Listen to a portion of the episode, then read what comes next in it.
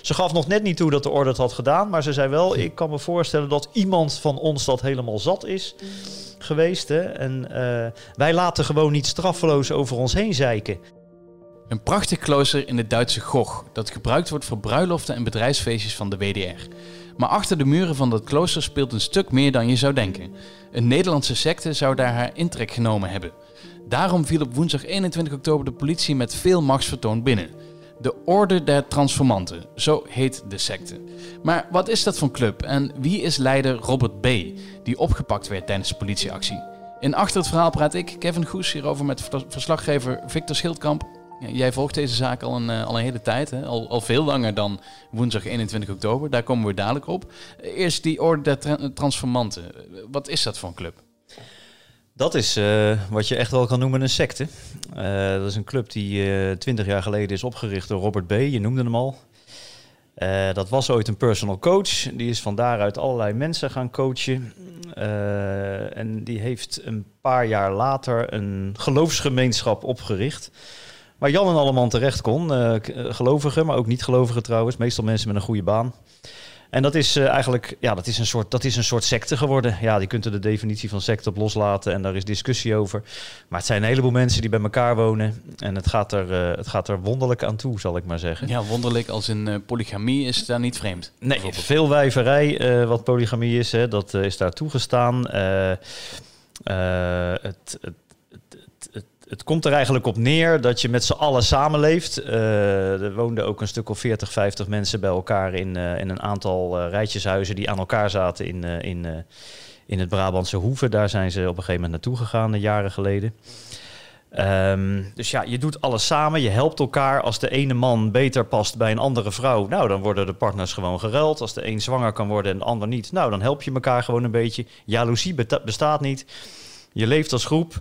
Uh, je probeert uh, kwalijke gewoontes als luiheid en jaloezie en uh, zucht naar erkenning moet allemaal uitgebannen worden. Je moet elkaar sterker maken, je moet elkaar helpen. En dat gaat dus inderdaad zover als ik je net zei. Hè? Gewoon partnersruilen mm. ruilen en zo.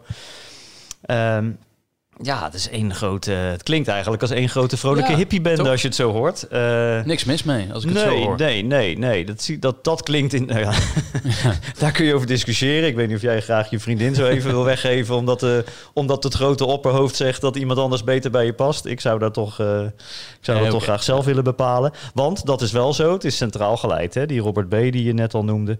Dat is de man die dat allemaal zo'n beetje bepaalde. Nou ja, als één man bepaalt over een groep van 40, 50 mensen wie het best bij elkaar past, om maar wat te noemen. Ja, dat, is ook niet helemaal eerlijk. Dat klinkt natuurlijk een beetje eng. Um, en wat ook wel eng is, um, en, of eng, dat, dat, dat, ja, dat, dat, is het, dat is het griezelige ervan. Twee dingen eigenlijk. Uh, die Robert B. die haalt gewoon mensen weg uit hun, uit hun, uit hun sociale leven. Hè. Er zijn gewoon hele gezinnen kapot gemaakt, omdat hij dan iemand ging coachen. Op een gegeven moment zei hij dan uh, tegen die... Vrouw en ook tegen de partner van die vrouw van uh, passen jullie eigenlijk wel bij elkaar? Dan werd er al een wicht gedreven. Dus op zich was het hele stel welkom, maar ja, het is natuurlijk niet zo dat, uh, dat, dat, uh, dat iedereen daar maar gelijk mee instemt. En er zijn hele gezinnen, huwelijken kapot gegaan, omdat ja, de een die was, ging dan helemaal in, op in de gedachten van Robert B. En ja. de partner dan weer niet. En dan... Toch niet zo rooskleurig als dat... nee, dat is één ding. Klonk. En het tweede ding is, ja, er is ook altijd wel, er gingen, er gingen ook moeders met kinderen die sloten zich aan bij die secte. En ja, daar is door de jaren heen zijn er toch wel meerdere signalen geweest van kindermisbruik. Mm.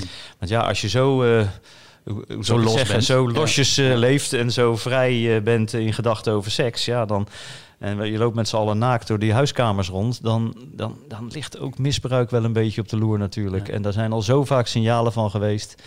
Um, het, het, de orde der transformanten is ook in een Brabantse periode heel vaak bij de politie voorbijgekomen, omdat er weer bezorgde mensen aanklopten van gaat dat daar wel goed. Er is nooit ingegrepen, er is nooit reden geweest voor een onderzoek. Maar dat dit al een jaar of twintig een club is die uh, heel veel vragen oproept, dat is duidelijk. En daar komen we misschien zo meteen op. Ze zijn ook betrokken geweest, zelfs bij twee moordaanslagen. Ja, hè? Want als je niet voor ze bent, dan ben je blijkbaar tegen ze, vinden ze zelf. En um, ja, het is een club. Dat dan, dan lijkt het meer om een criminele organisatie. Eerst even over die, die Robert B. Hè. Eh, hij was uh, dus een succesvol ondernemer eigenlijk voordat hij dit ging doen. Voor zover wij weten wel. Het is best een mysterieuze man. Ja, wat, wat kun je wel vertellen over hem? In, in ieder geval, hij droeg als, als secteleider een gewaad. Dat, ja, dat, hele beeld klopt, maar wat was hij daarvoor? Er zijn, er zijn maar een paar foto's van hem en die zijn van lang geleden. Hij is altijd behoorlijk goed buiten de publiciteit gebleven. En ook trouwens buiten de handen van justitie. Maar uh, wat kan ik over hem vertellen? Hij komt uit Amsterdam, waar we nu ook zitten. Hij uh, was ooit personal coach en heeft van daaruit dus deze filosofie ontwikkeld. Hij is ontzettend grote man, uh, grote, lange, kale man. Uh, dus priemende ogen blijkbaar, wat, wat, de, wat de mensen die hem kennen over hem vertellen. charismatisch ook wel, praat goed, geeft je het gevoel dat je geweldig bijzonder bent als je met hem praat. Dat is wel fijn als personal coach mhm. natuurlijk. Maar als die andere bedoelingen heeft, is dat we, kan dat natuurlijk verkeerd aflopen. Hij wint je vertrouwen. Het is, een, ehm, het is, echt, een, uh, het is echt iemand die, uh, die, zich, die zich op die manier kan opwerpen als leider. Hij wint je vertrouwen. Hij laat je geloven dat wat hij denkt goed, uh, goed voor je is. En, ehm, en hij heeft die, die, die levensfilosofie voor zijn ordegenoten ontwikkeld. Um, maar ja, er is ook die, die al jaren die verdenking uh, ten eerste van misbruik. En ten tweede dat uh, hij ook wel heel erg uh, hard kan zijn voor mensen die, waarvan hij denkt dat ze een gevaar zijn voor, voor zijn secte. Ja. Nu, nu is die, die woensdag 21 oktober is eigenlijk de dag dat, dat heel veel mensen voor de eerste keer gehoord hebben van deze orde der transformanten. Uh, jij kende ze al wat langer. Hè? Hoe, hoe ben jij ze ooit op het spoor gekomen? Ja, nou dat is niet zo moeilijk. Dat hebben ze zelf gedaan. Ze hebben in 2008 en 2014 hebben, zijn ze twee keer uh, zwaar verdacht geweest. Uh, ordeleden, ik wil niet zeggen dat de hele orde, maar ordeleden van, van twee moordaanslagen. Um, ehm, 2008, uh, het, het, gaat in beide gevallen, zowel in 2008 als 2014, is er een, uh, een moordaanslag gepleegd uh, op mannen die hun vrouw verloren zijn aan de secte. Ex-partners. Ja, ex-partners dus. In 2008 ging het om Frits Bebelaar. Dat is een Rotterdamse zakenman, die is neergeschoten. En in 2014 ging het om Jeroen van Hasselt. die, die woonde in het midden van het land ergens. En die um, is ook zijn vrouw en kinderen aan die secte verloren. In, dat is dus het verhaal wat ik net vertelde. Hè? Dat die vrouwen steeds meer in de ban raakten van, uh, van uh, Robert B. En uh, de mannen daar niet zo in meegingen. En op een gegeven moment leidde dat gewoon tot een scheiding. Zeker die Jeroen van Hasselt heeft keihard op internet ja, gewoon een lastercampagne gestart tegen de secte. Um, en ja, daar, daar, uh, dat hebben ze. hebben, wat is er maar goed, gebeurd dan? Uh, laten we eerst 2008 erbij pakken. Wat, wat gebeurde er toen? Frits Bebelaar is toen gewoon neergeschoten. Heeft het overleefd. Um, dat is echt op een, uh, op een bijna op een criminele organisatieachtige manier gegaan. Hij is achtervolgd, GPS-trekkers, speciale telefoons. Er is een man bijgehaald die later die de aanslag heeft gepleegd. Die toen weer over de grens is gezet. En die heeft justitie ook nooit kunnen vinden. De enige twee mannen die ze ooit voor de rechter hebben kunnen brengen, dat zijn twee betrokkenen. Die zijn trouwens in hoger beroep vrijgesproken. Mm Bij gebrek aan bewijs. Maar goed, uh, het gevoel bij die agenten, die we nu ook gesproken hebben weer. Is uh, als je die zaak nog eens doorneemt, die agenten denken nog steeds, daar zat de secte achter en waarschijnlijk Robert B. als opdrachtgever. 2014, die andere, dat, uh, was een, dat ging om een jongen genaamd Erwin Spee. Die heeft um, gewoon dat, die hoorde bij de secte. En die heeft met een bos bloemen aangebeld bij eh, Jeroen van Hasselt. En uh, in die bos bloemen zat een mes, haalde dat mes tevoorschijn en begon te steken. Die is wel veroordeeld. En die heeft zes jaar cel, geloof ik, uiteindelijk gekregen. Um, dus het gaat, het gaat echt om twee moordaanslagen waar de secte bij betrokken was. Je Hij is inmiddels wel weer terug, hè? Ja, ja, ja daar kom ik zo op. Maar ja. dus, uh, je vroeg net, uh, hoe ben je op het spoor gekomen? Dat hebben ze dus vooral zelf gedaan. Op die manier hebben ze publiciteit gehaald. Uh, en toen, zijn we er ook, toen zijn we er ook al aardig in gedoken. En die RWSP inderdaad, die is, die is na zijn celstraf gewoon weer liefelijk opgenomen in de secte. Die zit er momenteel gewoon weer. En uh, dat is ook bizar, dat iemand die een aanslag heeft gepleegd, een moordaanslag, gewoon dat de secte zegt, je bent weer welkom. Dat geeft een beetje aan hoe zij uh, over de boze buitenwereld denken. Ja. Wat mij opvalt, uh, is wat jij zegt over um, die eerste moordaanslag. GPS-trekkers, prepaid-telefoons, eigenlijk allerlei manieren om zo goed mogelijk te volgen en zo goed mogelijk weg te komen. Ja. Um, ze schuwen dus niet het gebruik van technologie bijvoorbeeld. Nee, nee, nee, nee hoor, nee, nee. Ik weet niet wat, of er daarbinnen ook de, ook de, de laatste, uh, of ze allemaal de laatste iPhones hebben, maar nee, nee, dat niet. het, is niet, het is niet zo dat ze alleen maar eh, brandnetels eten en in het bos leven en hun huizen met takken maken. Volgens mij. eh, Maar dat zijn hoogopgeleide mensen. ja, ja, eh, dat eh, voor zover wij weten. Ik bedoel, eh, ik ken ze zeker niet allemaal, ik ken er maar een paar. Eh, maar de, de mensen die er aanvankelijk bij aansloten, die, dat waren niet de losers of zo. Het waren gewoon mensen met goede banen. En dan vraag je toch af hoe je dan toch eh, in- achter zo'n man aangaat. Nou ja, kijk, eh, zo'n levensfilosofie, eh, die beschreven we in het begin als vrolijk en gezellig. En eh, eh, dat je ook nog gebruik kan maken van meerdere vrouwen als man. ja, eh, hè, die klinkt op zich niet zo eh, afschrikwekkend. Het is, eh, het is ook niet zo, denk ik, dat alle 50 ordeleden allemaal even fout zijn, denk ik. Ehm, maar dat er een paar zijn die zich heel agressief naar de buitenwereld kunnen gedragen, dat, dat is wel duidelijk. Het typische is ook wel, ik vind nog over die Jeroen van Asselt. Hè. We hebben dus twee moordaanslagen, 2008, 2014. Jeroen van Hasselt is dus de man die in 2014 slachtoffer was van de moordaanslag. Zijn vrouw heb ik toen gesproken. Hè. Zijn ex-vrouw, die dus inmiddels die bij die secte was. Die heb ik toen gesproken daar in de deuropening eh, in Brabant. En die zei ook keiharde dingen. Die zei ook van, we zijn die vent ook helemaal zat. En jarenlang die lastencampagne. Ze gaf nog net niet toe dat de orde het had gedaan. Maar ze zei wel, ik kan me voorstellen dat iemand van ons dat helemaal zat is geweest. Hè? En eh, wij laten gewoon niet straffeloos over ons heen zeiken. Ja. Ja, dat zijn citaten dat je op zijn minst eh, de verdenking eh, over jezelf afroept. Ehm, eh, eigenlijk praten ze het gewoon goed, wat er gebeurd was. En, maar ja, ehm, eh, volgens, eh, als je nu aan die orde vraagt hoe zat het met die aanslag en hoe is, het God, hoe is het in godsnaam mogelijk dat die kerel hier weer welkom is die toen die aanslag heeft gepleegd? Zij zeggen gewoon, ja, heeft hij het dan wel gedaan?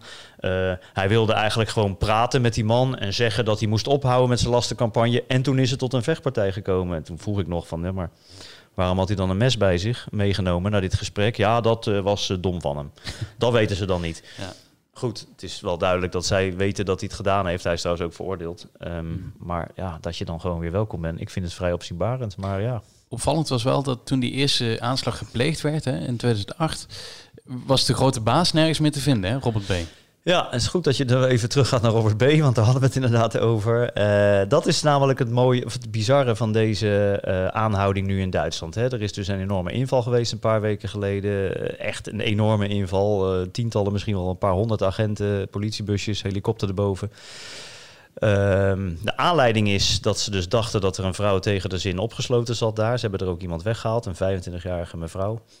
Er werd ook gevreesd dat er wapens zouden liggen. Daarom was die eh, armada zo groot, zou ik maar zeggen. Ehm, ehm, die werden trouwens niet gevonden. En maar goed, de man die is aangehouden is Robert B. En eh, inmiddels 58 jaar, de grote goeroe, zeg maar. De profeet, de oprichter, de, de, de Jezus Christus van deze secte. Die, heeft, eh, die was al 12 jaar verdwenen. Ik vond dat ook zo... ehm, ik sloeg er op die reden ook meteen op aan. Toen ik namelijk zes jaar geleden over die secte schreef... naar aanleiding van die moordaanslag op Jeroen Mhm. van Hasselt... toen werd ook door allerlei mensen verteld... van ja, de grote oprichter van deze secte is Robert B... maar die is al sinds 2008 verdwenen. Niemand weet waar die is. Ehm, ja, leeftijd klopte. Hè, werd natuurlijk niet nu door de duikt hij Dui- ineens op. Duitse justitie zei niet meteen zijn naam erbij, maar leeftijd klopte. De grote profeet werd hij genoemd. Het moest Robert B. zijn. Dat vond ik echt eh, bizar. Oké, die is dus na twaalf jaar verdwenen te zijn, wordt hij nu ineens opgepakt. En ehm, hij is destijds verdwenen in 2008, omdat hij niet wilde getuigen in die eerste moordaanslagzaak. Toen is hij Mhm. naar Zwitserland gegaan, heeft nog tijd in Frankrijk gezeten. Bleek dus nu al een paar jaar in Duitsland te zitten. Dat hij nu is opgepakt, ja, dat kan zomaar het einde van deze secte betekenen. Want eh, ja, dat, dat was wel een opmerkelijk feit. En ook die, die verdachte, waar die dan voor het verdacht, hè, dat is een hele waslijst aan dingen. En dan valt zo'n secteleider voor je gevoel wel een beetje door de mand. Al moet het allemaal nog bewezen worden. Maar. Precies, en het, het is natuurlijk ook de vraag in hoeverre valt hij door de mand eh, bij de mensen zelf. Ehm, je zegt, eh, deze inval was in Duitsland, hè, dat hebben we ook Ja. al genoemd, net over de grens. Ehm, maar we spraken net over Hoeven in Brabant. Daar zaten ze eerst. Ja. Eh, waarom en wanneer zijn ze verhuisd? Ze zijn, moet ik even uit mijn hoofd doen, maar ze zijn volgens mij in 2003, in ieder geval al, al meer dan 15 jaar geleden, in Hoeven gaan zitten. Daar zijn ze ook, eh, daar, daar, daar, ja, voor zover mensen nog weten wie de orde van transformanten zijn, dan, dan denk je, als je die zaak een beetje door de jaren heen hebt gevolgd, eh, aan Hoeven. Daar hebben ze heel lang gezeten. Daar hadden ze een, een serie, gewoon in een woonwijk, Mhm. serie huizen aan elkaar. Ja, rijtjeshuizen zitten altijd aan elkaar, maar ik bedoel, Dat was Ja. ook expres gedaan, dat ze met z'n allen samen konden leven. En de foto's nog, ja. Ja, ze zijn later. eh hoeveel hebben ze trouwens nog steeds? Maar later zijn ze dan, is de kern van de club zeg maar naar het Limburgse Gennep verhuisd. Eh, daar zijn ook nog wat incidenten geweest. Eh, en weer later, in 2012, zijn ze naar Duitsland gegaan. Ehm, maar pas in 2017 hebben ze dat klooster in Gogh eh, gekocht. Ligt trouwens vlak over de grens bij, bij Nijmegen, mochten mensen zich dat afvragen. Het is bijna Nederland. Eh, en ja, de kern van de club zit nu daar, zal ik maar zeggen. Maar die filialen, zal ik maar zeggen, in Mhm. Gennep en Die zijn die, er die hebben er allemaal nog, nog steeds, ja. Je, je noemt Gennep, daar zijn ook nog een paar incidenten geweest. Eentje wil ik er even uittillen, want dat, dat vind ik wel een bijzonder incident. Dat gaat over de zoon van eh, Robert B. Ja, ja, ja, ja. ja dat is eh, seksueel overschrijdend gedrag, hè, zoals het heet. Die heeft gewoon op Niet school... van een vreemde waarschijnlijk. Nee, die heeft gewoon op school in zijn naki rondgelopen. Het schijnt ook een enorme onhandelbare jongen te zijn geweest... die ook nog heeft geroepen van... eh, dat hij de opvolger gaat worden van zijn vader. Dus eh, pa is nu wel aangehouden, maar de opvolger staat al klaar. Al weet ik niet precies hoe oud hij inmiddels is. Maar ehm, hij heeft er in ieder geval zin in, zullen maar zeggen. Het is ook een opmerkelijk incident. Eh, wat ik ervan begrijp, hebben ze in Gennep ook geprobeerd... ja, in, in, in, in dorpsraden en zo te komen. Die, maar hebben ze, zijn ze in Gennep blij dat ze dat allemaal hebben kunnen tegenhouden. En ze zijn ook heel blij dat de Duitse justitie nu, nu doet... Lijkt te doen in ieder geval wat in Nederland misschien al lang had moeten gebeuren. Namelijk die, eh, die club gewoon eens aanpakken. Het klinkt een beetje als de Bagwan. Ja, maar ik weet niet, ja. Dat, eh, eh, die ook in een dorp hebben veroverd in Amerika. En dat dan Ja, nou, het helemaal, is eh, niet gelukt, hè? Nee, precies. Dus ze hebben het wel geprobeerd. Eh ja, je, zei al, die, die inval die is geweest eh, op 21 oktober eh, met veel machtsvertonen. Hoe reageren zij daar nu op? Ehm, ja, volgens hun zit het als volgt. Kijk, Robert B. is aangehouden op... Dat is nogal een waslijst, hè? Het leek te gaan om alle- alleen maar het opsluiten van een 25-jarige mevrouw. Dat is Emma, die daar eh, ook die al heel lang bij die secte zit. Want haar moeder zit namelijk al heel lang bij die secte. Zij is er dus als kind ook al bijgekomen. Eh, zij deed daar de evenementen. Ze was evenementenmanager, want dit klooster werd gebruikt als evenementenlocatie. Er, werd, er moet ook nog geld verdiend worden. Ehm, maar het leek dus alleen te gaan om het feit dat, dat zij daar opgesloten zat. En dus bevrijd is. Ehm, maar Robert B. wordt inmiddels verdacht van eh, tien gevallen van seksueel misbruik van kinderen uit de periode in Hoeven en twee verkrachtingen uit de periode in Duitsland. De secte zegt dat zijn allemaal, gaat allemaal over Emma. Dus die is als kind misbruikt, is dan later eh, nog een keer, zou ze dan nog een paar keer verkracht zijn in Duitsland. De secte zegt ook dat die verkrachtingen onzin zijn Want ze zijn getrouwd, hè? omdat ze dus, eh, nou ja, niet officieel voor de wet getrouwd, Nee. maar wel een stel zouden zijn. Zij dus. En de 33 jaar oude- oudere Robert B. En het verhaal van de, van, eh, van de orde is dat ehm, Emma een geheime minnaar had. Die eh, uit dat plaatsje Gogh, die dus niet bij de secte hoort. Dat ze dat geheim heeft gehouden. Dat ze het op een gegeven moment heeft opgebiecht. Dat ze ook heeft gezegd: Ik wil bij Robert blijven. En dat die jongen dus, die, die minnaar van haar, eh, een man van 37 uit Duitsland, dat hij dus degene is die aangifte heeft gedaan van al deze gevallen van misbruik en verkrachting uit jaloezie. Nou, dat, als daar geen enkele aanwijzing voor is, dan kan ik me niet voorstellen dat justitie eh, nu al zo, nu, eh, nu zo stevig mee bezig is. Mhm. Ehm, en bovendien zegt justitie ook, we, zoeken, we onderzoeken meer dan alleen maar de gevallen rond deze Emma. Ehm, maar goed, de orde doet het dus allemaal af als eh, een jaloerse, jaloerse minnaar van de vrouw van de grote profeet. Kan, kan die orde door zonder hem?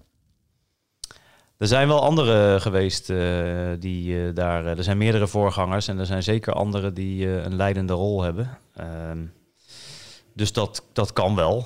Ehm, maar goed, weet je, het is ook wel zo als.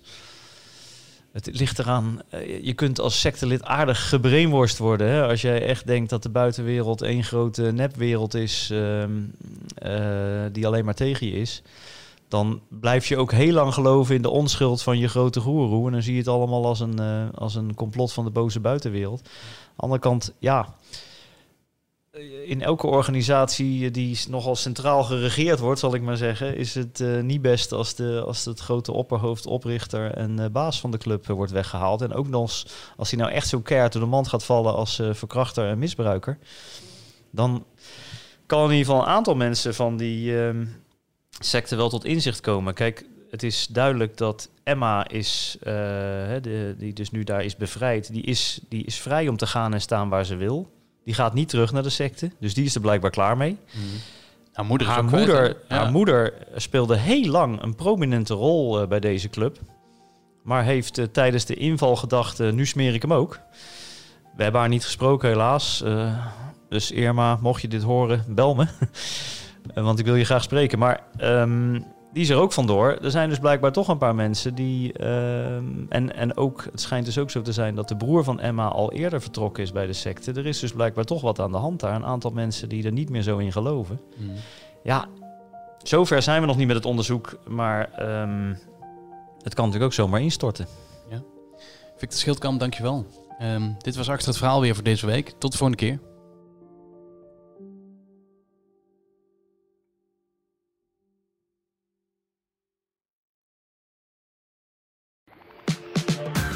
Zeggen toch, het leven begint bij 40. Ja, maar wat begint er dan precies?